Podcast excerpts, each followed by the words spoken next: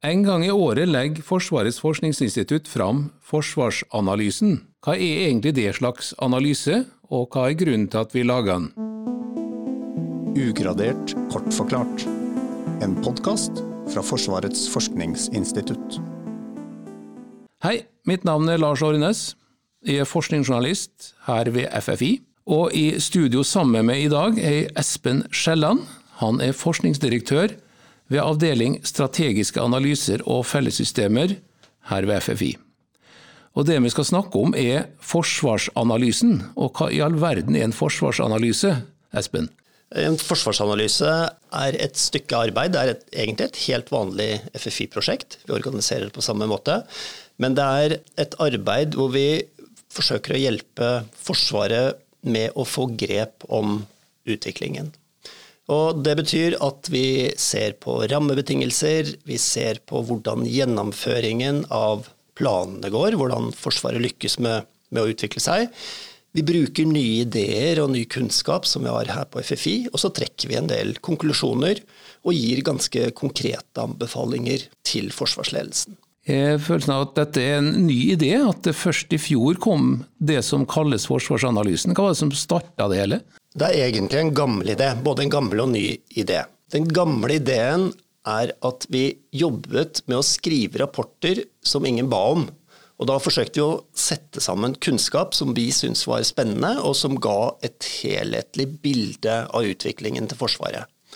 Men det som skjedde for to år siden, var jo at den nye forsvarssjefen ba oss om å gjøre akkurat dette, og han ba oss om å gjøre det hvert eneste år. Og så ba han også om og gi oss så tydelige råd som mulig. Og det er en ganske stor utfordring for oss. Vi er veldig flinke til å beskrive problemer, og så er vi ikke like flinke til å tenke på hvordan de problemene skal løses. Det er jo interessant. Altså, forskningen dere gjør, har dere som du sa, av og til gjort uoppfordret. Men jeg lurer jo litt på, når du skal starte med en forsvarsanalyse, hvor begynner du da? Er det et blankt et blankt ark og fargestifter, eller har dere veldig mye klart? Det er begge deler. Eh, vi kan i prinsippet trekke på all forskning på FFI. Så det er klart vi har utrolig mye spennende å bruke. Men samtidig så må vi hele tiden tenke gjennom hva er det som fortjener forsvarsledelsens oppmerksomhet, og hva er det som virkelig betyr noe i det store bildet som er viktig for forsvarsledelsen. Så vi starter jo aldri med med et tomt ark, eh, men vi bruker veldig mye tid og krefter på eh, å finne ut hva vi skal ta med, og hva som ikke er like viktig i akkurat denne sammenhengen. Det er forsvarssjefen som er adressaten og bestilleren, og han som antagelig får den først. Men uh, dette er både et gradert arbeid, og så er det jo også en ugradert versjon av forsvarsanalysen. Hvorfor det?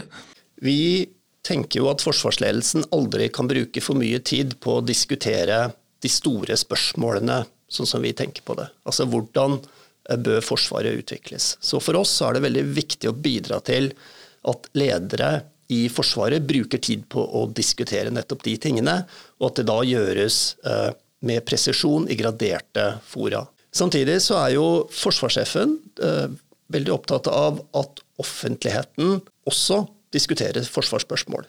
Og det tenker vi også er en god idé. Eh, så Derfor bruker vi mye tid og krefter på å lage begge versjonene. I midten av mars skal vel den nye forsvarsanalysen legges fram, og du skal få slippe å fortelle hva den inneholder. Men hva er det som er kanskje de store bevegelsene? Vi har jo Ukraina-krigen, og den dominerer jo veldig mye. Jeg vet ikke hvor mye den har betyr for en forsvarsanalyse? Den betyr mye, men kanskje på litt annen måte enn det man tenker på. Eh, for mange så er jo Ukraina-krigen et sjokk i den forstand at Russland faktisk har gått til massivt angrep mot et annet europeisk land. For vår del så har vi jo hatt med nettopp den type scenario egentlig i mange tiår. Så sånn sett så var det ikke det samme type sjokket. Men den store, store endringen inn i forsvarsanalysesammenhengen, det var det som skjedde på vestlig side. Men veldig kontant og hittil veldig konsistent reaksjon på krigen i Ukraina. Og særlig det at Sverige og Finland blir Nato-medlemmer, det betyr mye for hvordan vi skal tenke omkring Forsvaret og, og det å forsvare norsk sikkerhet, rett og slett. Den forrige forsvarsanalysen, der ble den hm, introdusert for folk flest med tre råd. Eh, er det sånn dere tenker at dere må liksom poengtere noen ting ganske tydelig for at det skal slå gjennom? Ja, absolutt. Ehm, jeg kan jo røpe såpass at det kommer tre eh, hovedråd også i årets analyse. Samtidig så prøver vi å gi mer konkrete anbefalinger. Og for å finne en sånn passe nivellering i de anbefalingene, så bruker vi alfabetet. Og det betyr at vi er begrensa til 29 råd. I fjor ga vi 27 konkrete råd, og det kommer vi faktisk til å gi også i årets analyse. Nå vet du hvordan det gikk med eh, forrige års analyse. Har den blitt tatt til følge?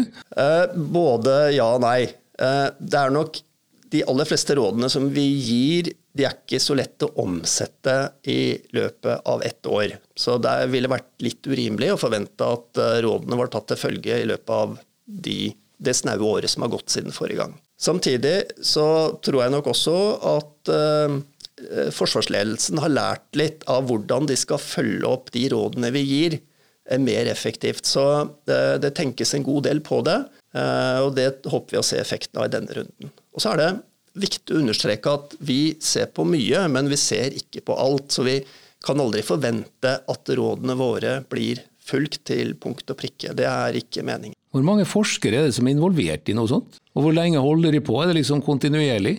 Vi holder på kontinuerlig, vi som jobber mest med det. Vi holder på hele året. Eh, og det er en eh, ca. ti personer involverer ca. ti personer. Antall bidragsytere i årets eh, analyse er over 40. Eh, og det er de som har gitt konkrete bidrag til det som står i analysen, over, eh, eller på et, på et visst nivå. Så det er mange, det, det berører mange, mange miljøer på FFI. Og vi jobber også med at det skal involvere enda flere. Det er ikke ei tjukk bok, det er bare et hefte? Ja, det kommer litt an på øyet som ser. Rapport, den graderte rapporten er på ca. 90 sider. Så det er overkommelig? er overkommelig. Og så er det litt gøy, fordi de som har lest den, og de har lest den ordentlig, de sier i hvert fall at fjorårets rapport var en page-turner, var det begrepet de brukte. Så de syns ikke den var for lang. Og det, det er jo veldig hyggelig å høre. Du personlig, hva er det du liker å holde altså, hva, er det, hva er det ved forsvarsanalysen som du liker å jobbe med? Hva er det som gjør at du får litt eh, los på den? Det er veldig spennende å jobbe med forskjellige miljøer og mange mennesker. Det er i seg selv gøy. Men det jeg syns er aller mest spennende, det er kanskje å forsøke å hele tiden spørre seg hva betyr det for Forsvaret? Hvordan kan det bety noe for Forsvarets utvikling i stort? Eh, det syns jeg er eh, kanskje det mest inspirerende ved å jobbe med forsvarsanalysen. Da får vi bare vente til midten av mars og lese den nye forsvarsanalysen. og Det er altså én i rekken. Det kommer også en neste år, og neste år der igjen. Det gjør det.